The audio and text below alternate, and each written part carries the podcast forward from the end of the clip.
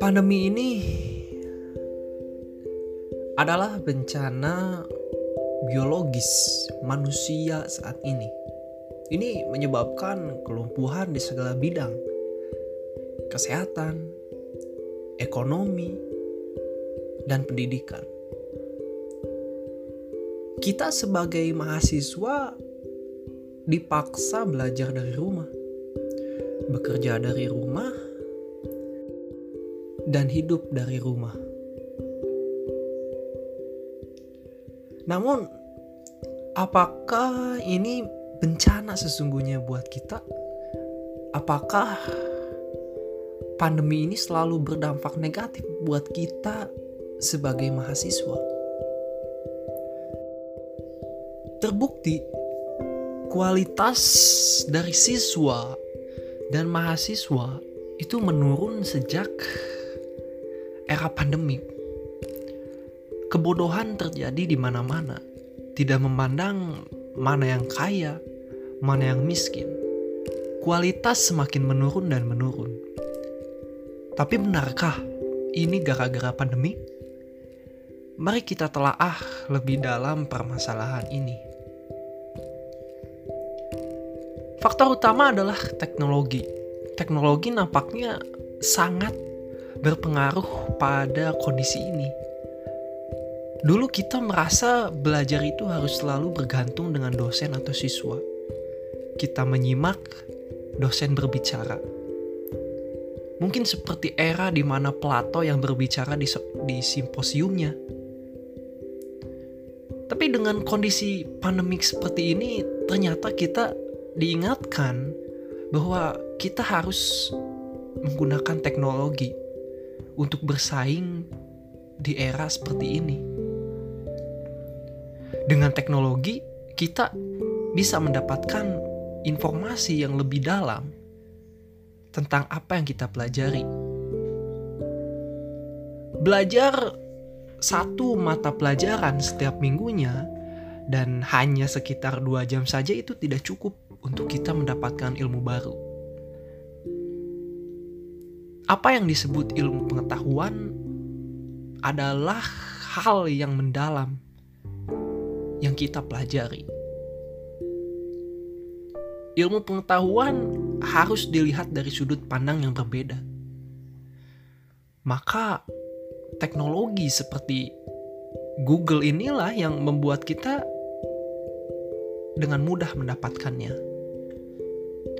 Apalagi teknologi menjadi hal yang setiap hari kita gunakan. Jadi tidak ada alasan untuk kita menolak teknologi untuk belajar. Selanjutnya adalah kita harus kembali ke fitrah kita sebagai mahasiswa. Salah satunya adalah Tridharma perguruan tinggi. Pada pandemik ini, maka dari ketiga keagungan yang diagungkan kita sebagai mahasiswa mulai meredup. Kita krisis dalam hal ini. Pendidikan telah dibahas oleh kita dari awal. Jika pendidikan kita semakin menurun, maka kita tidak bisa melakukan pengabdian kepada masyarakat, dan kita tidak bisa mendapatkan data untuk penelitian kita misalnya. Jadi lingkaran Tridharma ini saling terhubung dan mereka saling mendukung satu sama lain. Jadi pada akhirnya belajar adalah dasar kita untuk menjadi mahasiswa. Maha dari segala siswa. Artinya jika kita masih bergantung dengan dosen untuk mendapatkan ilmu, maka kita tidak ada bedanya dengan siswa. Tapi bukan berarti kita tidak boleh percaya dengan dosen.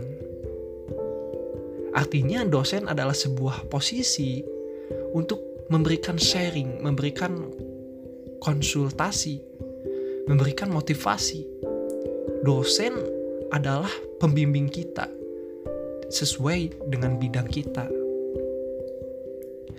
Setelah masalah tridharma perguruan tinggi, nampaknya masalah lain muncul. Kita selalu mementingkan kuantitas daripada kualitas.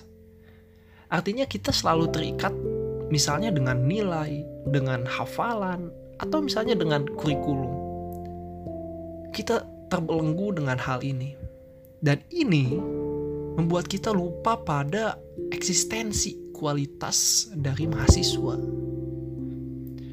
Di Indonesia, berdasarkan data, banyak sekali sarjana yang tidak bekerja, dan bahkan jika bekerja pun banyak yang melenceng dari bidangnya. Kualitas mahasiswa salah satu faktornya. Kita harus terbiasa beradaptasi dengan dunia luar, artinya dunia industri sesuai di bidang kita yang kita dalami. Programmer mendalami programmer, bisnis mendalami bisnis. Kesehatan, reka medis mendalami reka medis. Ini yang harus kita telaah lebih dalam. Namun kemudian timbul lagi pertanyaan baru. Dengan kuantitas yang baik, maka orang tua kita akan bangga. Apakah ini hal yang bagus? Jika kita menyebutkan itu, maka kita itu sebenarnya mencari perlindungan untuk diri kita sendiri. Kita harus ingat, perspektif seseorang itu bisa dirubah, perspektif orang tua itu bisa dirubah. Kita saja yang tidak ingin merubah sudut pandang mereka. Sebenarnya, jika kita mau, kita bisa merubah sudut pandang mereka agar melihat value atau nilai dari kita bukanlah angka, bukanlah kuantitas, melainkan kualitas.